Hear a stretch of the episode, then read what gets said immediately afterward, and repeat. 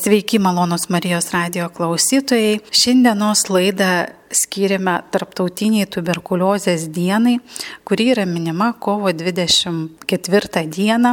O svečiuose Kauno klinikų gydytoja pulmonologė Grieta Musteikienė. Labadiena. Kalbinu aš, Kauno klinikų dvasinė asistentė Svetlana Adler Mikulėninė. Pradėkime nuo trumpos istorijos perspektyvos.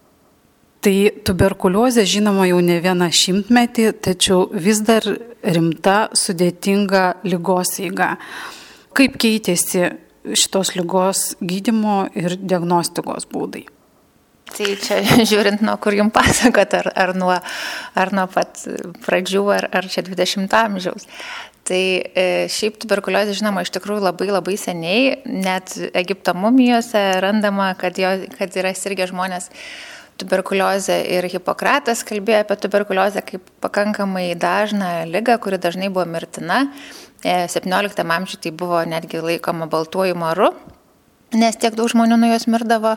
Ir iš esmės anksčiau tai žmonės susirgę tuberkuliozę iš esmės žinojo, kad jie anksčiau ir vėliau numirs. Tik tai tai buvo laikoma kaip ir tokia nebloga mirtimi, nes jie turėjo laiko e, susitaikyti su tuo, parašyti testamentus, atsisveikinti su artimaisiais ir panašiai. Tai iš esmės tas tuberkuliozės Gydimas gal, sakykime, prasidėjo XIX amžiuje, kai prasidėjo tuberkuliozės sanatorijos. Sanatorijų steigimas anksčiau tai tiesiog būdavo duodami patarimai žmonėms, kaip jiems reikėtų bendrauti su kitais, kad neužkrėstų kitų. To gydimo tokio kaip ir nebuvo apskritai visai. Buvo bandoma tiesiog dietą koreguoti ir tikėt, tikimasi, kad tai padės. O vėliau prasidėjo bandymai kažkaip tą tuberkuliozę gydyti aukštikalnių orų, geromis gyvenimo sąlygomis. E, vėliau buvo pradėtos taikyti įvairios operacijos siekiant tą plauti pažeistą kažkaip tai pagerinti kažko, kažkokiu būdu. Įvairūs e, pneumotoraks, kai būdavo leidžiama oro į pliuras ertmę ir aliejus ir panašiai, žodžiu, tokie visokie chirurginiai metodai. 20 amžiaus pradžioje iš esmės atsirado viduryje, gal labiau ne pradžioje, jau atsirado pirmieji vaistai ir sakykime, gal tik šimtmetis koks, kai mes tą tuberkuliozę galim gydyti kažkaip. Anksčiau tas gydimas toksai tikrai buvo neefektyvus ir tikrai daug žmonių nuo jos mirdavo. Na ir dabar, žinoma, yra tas mirtingumas pakankamai didelis. Priskaičiuojama, kad pasaulis e, susirga tuberkuliozę per metus 10 milijonų žmonių, miršta apie pusantro milijono. Tai dėl to gydimo taip. O diagnostikos ar ne dar? Mhm. Diagnostika dabar tai tikrai mes ne, ne, nesiskundžiam su diagnostikos E, galimybėmis, tai vis tiek tuberkuliozė yra infekcinė liga ir mes ją diagnozuojam iš esmės nustatę tuberkuliozės mikobakteriją, tai yra tą, tą bacilą, kuris sukelia tuberkuliozę. Vien tai, kad e, rengenogramai atlikus plaučių nuotrauką matosi pakitimai būdingi tuberkuliozijai, tai dar nėra diagnozė. Taip pat e, tuberkuliozės negalim diagnozuoti vien atlikę mantų tyrimą arba dar kai kurie šeimos gydytojai siūlo iš kraujo tyrimą, tai tas irgi nepadeda tuberkuliozės diagnozuoti, gali užvesti ant kelio, bet tai tikrai nėra diagnozė. Mes turim išauginti e, šitą bacilą iš pasėlio, yra dar įvairūs genetiniai metodai, neužtenka tik kraujo, mums reikia tos užkrėstos medžiagos, tai ar tai būtų skrepliai, ar tai būtų kaulų ten kažkokia, kažkokia dalis, jeigu tai yra kaulų tuberkuliozė. Jau užsiminėt apie įvairias tuberkuliozių rušis, tai vad kaip jos e, šio laikiniai medicinai pulmonologijai skirstomas? Tai čia irgi galima įvairiai skirti tą tuberkuliozę. Tai galima skirsti pagal vietą jos. Tai dažniausiai yra plaučių tuberkuliozė, bet gali būti ir neplaučių tuberkuliozė. Iš esmės tuberkuliozė gali pažeisti bet kurį organą. Tai pasitaiko rečiau, bet gal apie 15 procentų atvejų gali būti ir kitų organų tuberkuliozė, pavyzdžiui, kaulų, tai dažniausiai jinai mėgsta stuburos lankstelius, taip pat inkstų tuberkuliozė. Iš esmės, bet, bet kokio organo, ten sanario, odos, kaulų čiulpų, bet tai yra šiek tiek rečiau. Dažniausiai na, mes ieškom plaučių tuberkuliozės, nes jinai yra pati pavojingiausia žmogus sergantis plaučių tuberkuliozė yra pavojingas aplinkiniams, jis gali kitus užkrėsti, tuo tarpu, kai serga tik tai ta vadinama ekstrapulmoninė tuberkuliozė, tai ten kaulų, rinkstų, jisai nėra pavojingas kitiems, jisai neturi kaip, kaip užkrėsti kitų, nes tiesiog neiškosti tų bacilų į orą. Dar galima tuberkuliozę skirstyti į vaistams jautrį ir vaistams atsparę. Tai vaistams jautri tuberkuliozė tai yra jautri pirmos eilės vadinamintiem vaistam. Ir jos gydimas tada užtrunka, jeigu viskas yra tvarkingai, mažiausiai šešis mėnesius. E, jeigu yra kažkokiam vaistui atsparu, tai gydimas gali trukti iki, nuo pusantrų metų iki iki dviejų metų ir, ir ilgiau. Ir tokia tuberkuliozė, kuri ypač yra, jeigu daugeliu vaistų atspari tuberkuliozė, tai ją dar sunkiau yra išgydyti ir, ir ne visada netgi pavyksta. Bet tą vadinamą plaučių tuberkuliozę vis dėlto mes galim vadinti išgydoma rimta, bet išgydoma lyga. Dažniausiai taip. Didžiaja dalimi taip tikrai yra rimta, bet išgydoma lyga, infekcinė lyga, kurią gydom specifiniais antibiotikais, taip sakykime, ir tai nėra kažkokia tai visam gyvenimui dažniausiai. Jeigu žmogus tvarkingai gydosi, tvarkingai geria vaistus, nenutraukia to gydimo, tai dažniausiai taip mums ją pasiseka išgydyti. Na, kaip ir su kiekviena infekcinė lyga. Potencialiai išgydoma, bet visko gali pasitaikyti. Ir nu, dabar jau mažėja ta, kaip sakant, klišė arba tas stereotipas, kad tuberkuliozė serga e, daugiau asocialūs asmenys. Tikrai tenka susidurti su pacientais, matom įvairių pacientų. Kaip jūsų kaip gydytojas praktikoje, ar šitas e, požiūris jau e, nyksta, ar vis dėlto tai yra problema šitą diagnozę? Šiaip tai visame pasaulyje tuberkuliozė yra tokia socialinė stigma, kur žmonės susirgė Ypač jeigu tai yra pilnai socialų žmonės, turintis darbus, šeimas normales, nevartojantis alkoholio, jie stengiasi tai slėpti nuo artimųjų, nuo draugų, ko teoriškai nereikėtų daryti, reikėtų na, informuoti žmonės, kad jie turėtų pasitikrinti po, po kontakto. Bet manoma, kad jeigu susirgai tuberkuliozę, tai kažkas blogai yra su tavo gyvenimo būdu, kas, kas tikrai nėra tiesa. Tuberkuliozė yra plintanti per orą lyga ir tikrai ne kažkoks parazitas, kurį, kurį ten susirenkam iš kažkokių šitą asocialių žmonių vietų. Nu, ta prasme, dalis tuberkuliozės sergančių taip tikrai yra socialų žmonės, e, sakykime, kurie nesirūpina savimi, kurie, kurie neturi gyvenamosios vietos, ten alkoholiu per daug piknaudžiauja ir panašiai, bet iš esmės niekas nėra apsaugotas nuo tuberkuliozės ir bet kas gali ją susirgti. Tik tai gal, sakykime, tuberkuliozės ligoniai dažniau galima sutikti tų žmonių tiesiog, tiesiog dėl to, kad Lietuvoje yra toksai dar, dar tas gydimas tuberkuliozės iš esmės yra stengiamasi, kad tai būtų kuo daugiau gydimas stacionare, tai yra ligoninėje, kadangi taip daugiausiai užtikrinam tą dalyką, kad žmogus tikrai išgers visus vaistus, kad nepraleis nei vienos dozės ir, ir toks gydimas yra efektyvesnis. Tai mes tengiamės žmonės kuo, kuo ilgiau išlaikyti ligoninėse ir tie žmonės, kurie labai nori grįžti į savo šeimas, na, jie stengiasi kuo trumpiau toj ligoniai būti, o tie, kurie neturi kur grįžti, tai jie būna ten ilgiau. Tai gal dėl to gali atrodyti toksai, toks įspūdis, kad dažniausiai tuberkuliozė serga socialų žmonės, bet tai tikrai nėra tiesa, serga ir, ir gydytojai, ir vadybininkai, ir mokiniai, ir studentai, kurie tikrai neturi jokių kažkokių tai neigiamų, žalingų įpročių. Labiau gal pavojinga irgi tuberkuliozė yra tiem, kurie turi kažkokią tai imuniteto sutrikimą, e, serga vėžių, yra po transplantacijos įvairių organų ar po chemoterapijos, jiem tikrai gali lengviau tą tuberkuliozę užsikrėsti ir jie, na, pakankamai, sakykime, dažnai susirga šitą lygą. Jau palėtėm plitimo būdus, užsikrėtimo būdus, o apie paveldėjimą, ar e, jinai gali būti paveldima, ar kažkoks polinkis paveldimas? Šiaip tai tuberkuliozė yra infekcinė lyga, jinai paveldima nėra, kodėl gali kilti tokios idėjos, tai paveldimi gali būti iš esmės kažkokie imunodeficitai. Tai, sakykime, polinkis sirgti infekciniam lygom, nu tai taip, jisai gali būti paveldimas. Kūdikis nuo mamos irgi gali užsikrėsti, jeigu mama serga, bet tai nėra kažkaip tai perdodama genetiškai ta lyga. Jis iš esmės, na, tiesiog yra infekcinė lyga, kuri plinta per orą ir dažniausiai plinta artimoje aplinkoje, bet, bet paveldimumą tai ne, tokio nėra. Tai jeigu vienas šeimos narys serga ir nustatyta, e, tyrėsi kiti, ar tai būtinai reiškia, kad visa šeima susirgs, ar vis dėlto tas užkrečiamumas nėra toks e, stiprus, kaip mes dabar matom su COVID-19? Tai COVID tikrai yra didesnis užkrečiamumas, kiek mes pastebim ir, ir kiek mokslas pastebi. E, bet šiaip tai yra laikoma, kad jau reikėtų tirtis dėl tuberkuliozės, kai turėjai ilgesnį negu 8 valandų kontaktą toj pačioj aplinkoje, na, ta tikimybė užsikrėsti šiek tiek didėja. Bet tikrai yra tokių šeimų, kur vienas žmogus serga, o visa, visa kita šeima yra, yra sveika. Tai žinoma, žiūrint, kada tirsim, jeigu kontaktas buvo, pavyzdžiui, neseniai visai, tai tuberkuliozė yra, be to, kad tai yra infekcinė lyga, jinai tokia yra lėtinė, sakykime, lyga, kuri labai lietai vystosi. Tai po kontakto gali užtrukti netgi 2-3 mėnesius, kol mes nustatysim, kad yra jau, ta prasme, yra infekcija papildoma kažkokiam žmogui. O lygos įga, kuo anksčiau nustatom, tuo lengviau jinai išgydoma. Ar čia kažkoks gali būti išskirtinumas?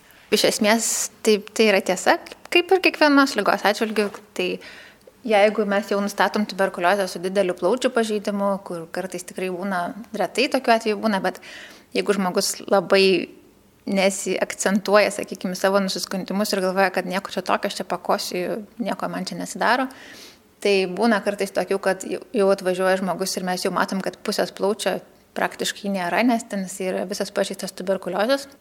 Tai tokiu atveju nereikėtų tikėtis, kad, kad po gydimo visas plautis atsistatys, tai žinoma, kuo anksčiau, tuo, tuo geriau. Ir iš esmės tai tas gydimas, jeigu tai yra vaistams jautri tuberkuliozė, jeigu kalbam apie plaučių tuberkuliozę, tai gydimas vis tiek yra ar anksti nustatysi, ar vėlai nustatysi, dažniausiai apie šešis mėnesius, jeigu, jeigu gydyti sekasi, jeigu nereikia nutraukinėti e, gydimo dėl kokių nors priežasčių. E, bet gal labiau skiriasi tas, ko mes tikimės po gydimo. Jeigu anksti nustatom, tai gali būti, kad tiesiog plaučių pažeidimo jokio praktiškai ir nebeliks. Jeigu nustatom vėlai, kai jau yra didelis pažeidimas, tai gali būti, kad na, žmogus visą gyvenimą turės tuos plaučių randus, sakykime, tokius, kurie kuriem gal, gal sukels paskui kitų, kitų bedų gyvenimą. Tai kalbam pandemijos akivaizdoje, ši laida įrašoma ir norėčiau paklausti, kaip tuberkuliozės ligonėje darbas pasikeitė pandemijos metu ir gydytojams, ir pacientams. Tai pasikeitė iš tikrųjų gerokai. Na, aš pati, pavyzdžiui, dabar dirbu pusę laiko COVID skyriui, ne tuberkuliozės, nes tuberkuliozės šiek tiek sumažėjo visame pasaulyje, e, tas matome ne tik Lietuvoje, e, bet e, iš esmės, kaip ir su kai kuriomis kitomis lėtinėmis lygomis, yra šiek tiek problematiška anksti nustatyti tuberkuliozę, nes pirmieji, pavyzdžiui, tuberkuliozės simptomai yra tiesiog kosulys, kurio daugelis žmonių gali tiesiog nesureikšminti, ypač jeigu žmogus yra rūkantis, jisai šiaip ar taip kosti, tai jeigu jisai pakosti šiek tiek daugiau, tai jisai neskubės gal kryptis į šeimos gydytoją, tuo labiau, kad vien dėl to, kad na, aš, aš čia kelis mėnesius pakoščiu, tai šeimos gydytojas gal irgi jam neskubės jo kviestis pas save ir, ir, ir bendrauti. Tai visame pasaulyje irgi pastebėta, kad na, praeitais metais tuberkuliozės buvo nustatyta daug mažiau, bet yra klausimas, kodėl.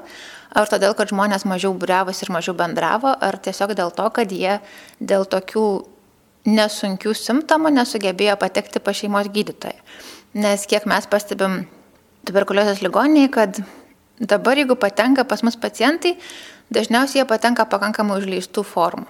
Ir taip, tų pacientų dabar yra mažiau, bet mums tiesiog neramu, kad kai jų vėl padaugės, kad mes turėsim daugiau tų tokių sunkių užleistų formų kai jie pagaliau kažkaip prisiruoš ar kaip pateks pa šeimos gydytoją, kad žodžiu, kad nėra taip, kad, kad čia tikrai tik tai teigiami dalykai, kad tuberkuliozė mažėja, gali būti, kad jos mažėja tik dėl to, kad jos nelaikų nustatoma. Arba, žinoma, yra optimistinė mintis, kad gal iš tikrųjų jos mažėja dėl to, kad žmonės mažiau su vienas su kitu bendrauja ir mažiau to yra perdavimo vienas kitam. Ar tiesa, kad tuberkuliozė persirgęs žmogus turi imunitetą ir COVID-19 lygai? Kokie nuskirtumai tarp šių lygų ar gali trumpai?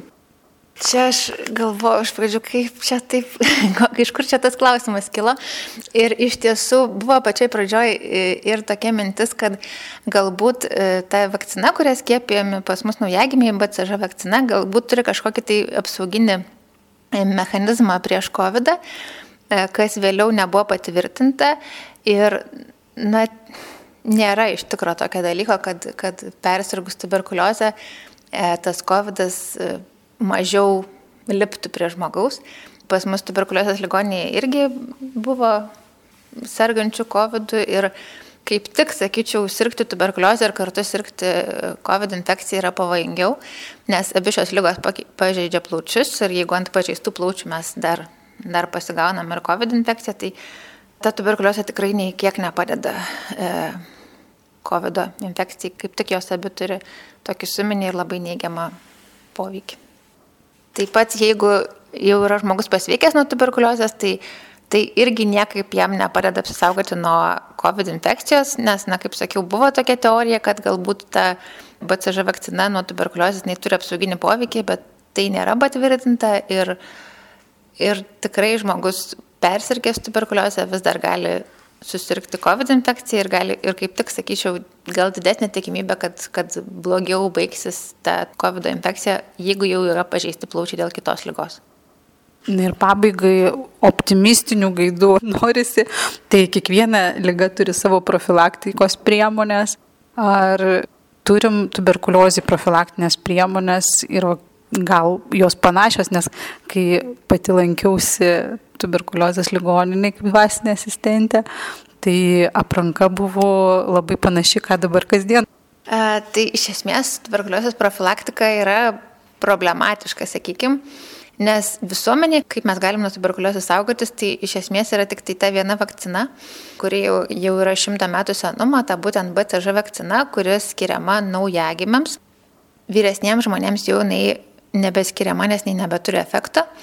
Ir naujagimius jinai irgi nepilnai apsaugo nuo tuberkuliozės, e, žinoma, apsauga šiokia tokia yra. Ta vakcina apsaugo nuo išplitusių tuberkuliozės formų ir tuberkuliozinio meningito, bet net ir paskiepytas kūdikis jisai turi galimybę susirgti tuberkuliozę, tik tai jeigu susirgs, tai susirgs nebe taip, e, nebe tokia sunkia eiga. Ką gali daryti suaugusieji, tai Iš esmės mažai ką.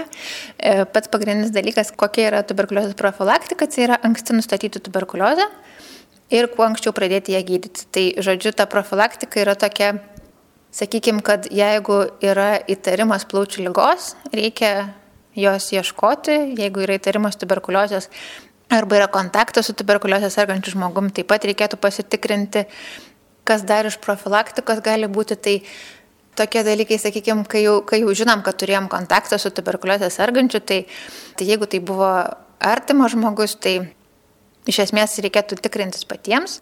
Jeigu mes su tuo žmogum daug bendravom, jeigu tas žmogus gyvena kartu su mumis tam pačiam name, tai, tai jeigu jis yra pavojingas dėl savo plaučių tuberkuliozės, jeigu jis atkosti tų tuberkuliozės bacilų, tai iš esmės reikėtų izoliuotis nuo jo, jo arba jisai gal bus guldamas į ligoninę tikriausiai, bent jau Lietuvos e, situacijoje.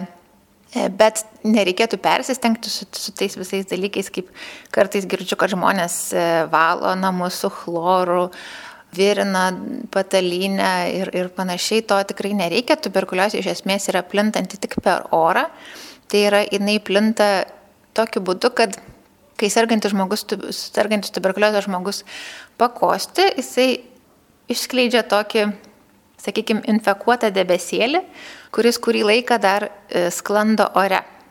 Ir po kelių valandų arba po kelių minučių, priklausomai nuo to, kiek ten ventiliacija toj patalpoje kokia yra, tai jisai tas debesėlis vis tiek jisai nusėda ant žemės ar ant, kaž, ar ant baldų ir tai jau nebėra pavojinga, jau, jau nuo baldo jūs ten niekaip nebeužsikrėsite, nes tiesiog reikia, kad, kad ta bacila sklandytų ore. Jeigu jinai ore nebesklando, tai jinai nebėra pavojinga. Ir taip yra e, minčių, kad ta bacila gali ilgiau išgyventi knygos puslapiuose ant stalo ir panašiai, bet jau nebėra pavojinga, jinai tiesiog ten pabus ir po kažkiek laiko pati žus. E, kažkokiu būdu jos ten bandyti žudyti nuo, nuo paviršių tikrai nereikia na, jeigu ten turėjot kontaktą su tuberkuliozė sergančiu šią minutę ir, ir po kažkiek laiko, tai, na, pradaryti langus. O daugiau kažkokių tai papildomų infekcijos kontrolės priemonių daryti nereikia. Na ir tiesiog, vat, jeigu žmogus yra jau gulintis ligoninėje, tai sergantis tuberkuliozė, tai jo nereikėtų irgi lankyti be, be apsaugos priemonių. Tai žmogus jau turi dėvėti kaukę, jeigu bendrauja su artimaisiais. Artimieji geriausiai turėtų dėvėti respiratorius, kuriuos dabar šiaip ar taip daug kas dėvime ir geriausiai, kad, kad bendravimas vyktų laukia, o ne uždarojo patalpoje. Bet šiaip ta profilaktika tikrai yra labai minimali, bet kaip mes jau liktai anksčiau ir šnekėjome, kad Užsikrėsti tuberkuliozę taip pat nėra taip jau labai paprasta, jeigu, ypač jeigu neturim kažkokios tai imuninės sistemos bėdų. Tai reikia pakankamai ilgo kontakto dažniausiai, kad užsikrėstumėm. Tai vien tai, kad prasilenkiam laiptinėje su susirgančiu tuberkuliozę žmogum, tai tikrai nereikėtų dėl to gazdintis ir bijoti, kad čia va dabar jau, jau užsikrėtėm, taip, taip pat nereikėtų. Esu gavus klausimą, ką reikėtų daryti, va jeigu kaimynė serga tuberkuliozę, tvora šalia yra, tai kaip reikėtų saugotis, tai iš esmės kad tuberkuliozę užsikrėstum laukia, tai iš tikrųjų iš vis labai maža tikimybė ir kažkokių tai papildomų priemonių tada nereikia. Labiau, sakykime, aktualu ta, ta profilaktika, tai tada, kai jau mes tikrai žinom, kad turėjom ilgą kontaktą su tuberkuliozę sergančiu asmeniu, tada reikėtų tiesiog nueiti pas šeimos gydytoją ir pasitikrinti, atliks turbūt e, rengeno nuotrauką, mantutą testą tiesiog ir vad žinosim, ar yra pavojus tą tuberkuliozę susirgti ar ne. Ir užsiminėt mantų testą, dažnai sutinkam, kad vaikam jį daro, tėvai žino, kad padarys. Ar pastebėta, kad vaikų ir suaugusių tas užsikretimas ir, ir sergamumas ar vaikų tarpe, nes susidūriau su suaugusiais, ar tiesa, kad, kad vaikai galbūt mažiau serga? Tai taip, iš esmės vaikai mažiau serga, e, bet na, visam pasaulyje mažiau serga. Bet jie taip pat yra jautresni, sakykime, užsikrėtimui ir, ir pavyzdžiui, jeigu žinom, kad to vaiko tėvai susirgo tuberkuliozę ir jie ten kartu gyveno, tai jeigu vaikas yra iki penkių metų, tai jiem dažniausiai profilaktiškai yra skiriamas tas profilaktinis gydimas, ypač jeigu vaikas yra, jeigu turi tą teigiamą mantų testą. Tai va čia irgi, sakykime, prie profilaktikos galima paminėti, kad jeigu jau mes nustatom tą latentinę tuberkuliozę, tai yra teigiamą mantų testą, be jokių kitų tuberkuliozės požymių. Tai gali būti skiriamas tas profilaktinis gydimas, tai skiriamas vienas arba du vaistai nuo tuberkuliozės, tris arba šešis mėnesius. Vien tam, kad užkirsti kelią tos jau tuberkuliozės lygos susiformavimui, kad būtų išnaikintos tos bakterijos, kurios galbūt pateko į organizmą ir kažkada sukels lygą. O šiaip tai vaikai serga mažiau. Aš pati vaikų negydau, nelabai galiu iš savo praktikos pasakyti, bet iš esmės irgi turėtumėm atkreipti dėmesį į kosulį, vaikam gal labiau aktualu tas svorio kritimas, karščiavimas, tai va tokiais atvejais reikėtų pagalvoti galbūt ir apie tuberkuliozę. Dėkoju Jums už išsamius atsakymus, linkime sveikatos ir tarėme sudė. Sudė. Esu Romainių tuberkuliozės ligoniniai, kalbinu danguolę. Tai kaip Jums nustatė lygą, kaip Jūs čia atsidūrėte? Atsirado dešiniai pusė skyšių nuo sumušimų. Nu, dar tyrimas vyksta, tai nežinau, ar čia tikra ta lyga ar ne. Tai jūs čia neilgai, o kaip čia jaučiatės, koks čia režimas? Nu, priežiūra gera. Pavyzdžiui, čia man maisto užtenka ir labai gerai. Tai ką linkime pasveikti, linkime, kad nepasitvirtintų, o jeigu pasitvirtins, tai kad kuo greičiau organizmas atsistatytų ir grįžtumėt namo. Labai ačiū. Esu e, Romainių tuberkuliozės ligoniniai ir kalbinu pacientę Mariją. Tai sunkiais laikais. Ir buvom išvykę į Portugaliją dėl pinigų, tiesiog uždirbti vaikams su vyru. Tenai padarė, tipo, nustatė gimdos kaklelius vėžį ir labai nesėkmingai sušvitino. Ir, ir kai padarė rengenus ir magnetinius rezonansus, pamatė, kad tai ka, keurai kaulai prašvytinti po 3-5 cm. Nu ir po to buvo blogai, bet paskui labai pagerėjo, nueidavau 10 km pieščia per saulę, per karštį ir pareidavau ir nieko blogo nebuvo, bet po kokį gal 10 metų pradėjau justi stuburo ir dubens kaluose skausmus Iš pradžių jie būdavo stiprus, bet užtekdavo suleisti traumodolių ir pasibaigdavo. Nu, tokį pat tarpą suleisdavo. Pagerėjau, žinau, vienu momentu ir paskui vėl pradėjo blogėti, viską audėdavo, vis eidavau pas gydytojus, tikrai lankiausi sažiningai, nes dar reikėjo į onkologinį.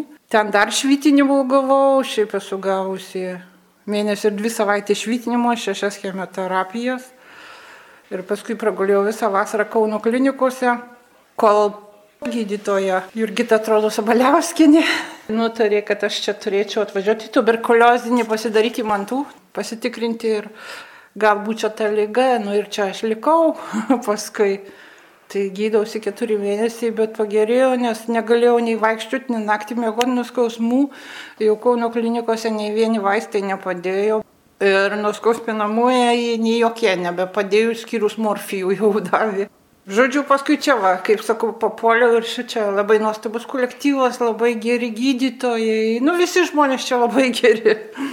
Kaip buvo pradžioje, dabar jau jūs sėdit? Kada atvažiavau ir nustatė, kad tuberkuliozė, aš kiek suprantu, stuburo. Tai turėjo du mėnesius gulėti lovoje, tik šiek tiek galima pakelti galvą su pagalvė, šiek tiek prisėsti. Bet taip, kad ne, ne, neatsisėsti, nevaikščioti, tai viską turi slaugutis apžiūrėti, tai prasme, beje, kaip ir maityti, nu pats gal kaip nors, pati ta prasme. O taip turėjo nešioti basonus viską, nes nu, ne, negalima vaikščioti, nes kiekvienas tas pasikėlimas, kiekvienas atsisėdimas gydytojas sako, gali baigtis kojų paleryžim. Tai turi pats suvokti, kad tai negalima daryti. Gydytojas stengiasi, visas kolektyvas stengiasi visada su šipsena. Tai toks tas pradinis sunkus gydimas, paskui jau lengviau, jeigu pavyksta, jau mes galime išeiti, mes galime vaikščioti, mums yra mankštos, daro gerai masažus, lab, skiria gimnastiką labai puikiai moteris, rūpinasi mumis. Ir jau dabar kylu po truputį, džiaugiuosi. Tai va, labai puikiai mano gydytoja vedėja ir visi labai kolektyvos, labai geras, sesutės mielos, slaugutės paslaugios mielos, visada, kad ir daug darbo jos atranda man, nors porą žodžių kažką gero pasakyti arba taip padiskutuoti. Ir nieko netrūksta. Gal tik tai maistas galėtų būti šiek tiek kitoks, nes kažką įvairiau. Būna ir skanu, negaliu sakyti, būna kaip plokštainės bulvių, ne iš rankės, bet tai tik tiek, o daugiau kaip ligoniniai, tai labai sakau, visi šiaunus žmonės, viskučių užtenka įsimaudyti, gali, negali, tai nuveža išmaudo. Televizorių va turim. O įsilgstam tai aišku savo artimųjų, bet tai suvoki ir vėl, kad šita lyga giliai su aplankyti ar dar kažką kitaip Ir dar pandemija. O dabar tai taip ir skaitome, žiūrim telefonus, televizorių. taip ir praleidai, biški posišnekis už kažkom išeinam jau į koridorių. Nu ir prabėga taip diena. tai va taip. Iš personalo žinau, kad jūs nuolatos šypsotės, laimingai, iš kur jūs randat e, tiek jėgų atsispirti vat, blogom nuotaikom ir ar visą laiką būnat laiminga? Aš jau tokia esu ir nuo mažų dienų esu tikinti žmogus. Močiutė vesdavo, močiutės gal sesuo taip reiktų pasakyti, bažnyčia. Ten gelytės barstėm, vėliavas jau saugus, beveik ne, kaspinėlius nešam, tai daug ten ir šiaip išauginta su Dievu būti, tai žinau kaip ir dar ir jaunutė aš buvau operuota plaučiuose. Kažkas auglys buvo ir galvoju, kad vėžys, nes atsimenu, kaip profesorius parašė prie mano akių dar raštu, kadangi tai buvo prieš daug metų. Kad vėžys ir buvo vaikai maži ir, ir aš apie vieną galvojau, aš tai aš, bet kaip bus vaikai maži, šešių metų ir trijų. Bet pasirodo, ten buvo tiesiog auglys, aš labai sukūdau, daug kilogramų, 202 numečiau. Ir atsimenu, kai jau bažnyčia atsiklaupus meldžiau Dievo, kad kažkaip mane išgelbėtų. Nu, tai buvo ta operacija, bet jis sėkmingai pavyko, aš ilgai vaikščiau, kol užklupo kitos bėdos, bet net ir tie portugalai, nežiūrint to, kad jam tas čia gydimas kaip ir nepasisakys su manim, kažką kažkas neapskaičiavo, bet jie atėjo ir man sako, dar tu sako, nuvažiuosi į Fatimą, buvo nuo manęs, kai aš buvau Portugalijoje 100 km, 150 ir padėkosi, kad išgyjai, nu tiesiog nežinau, nu, bet tai išėjo, kad išgyjau, kad tai pasitikiu Dievu, tai tikrai, kad pasitikiu Mariją tikrai. Ir visada melžiuosi ir tikiu, krentu, keliuosi, keliuosi, krentu.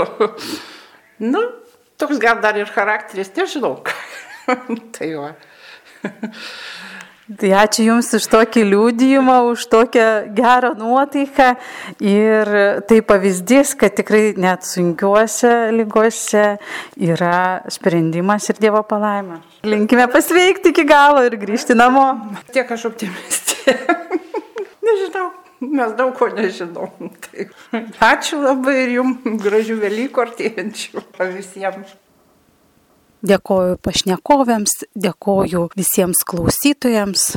laidą Gyvybės medis skirtą tarptautiniai tuberkuliozės dienai baigiame. Svečiuose buvo Kauno klinikų gydytoja pulmonologė Grieta Musteikienė ir dvi Kauno klinikų filialo Romainų tuberkuliozės ligoninės pacientės, o visas jas kalbinau aš, Kauno klinikų dvasinė asistentė Svetlana Adler Mikulieninė. Saugokime vieni kitus ir būkime sveiki. Sudė.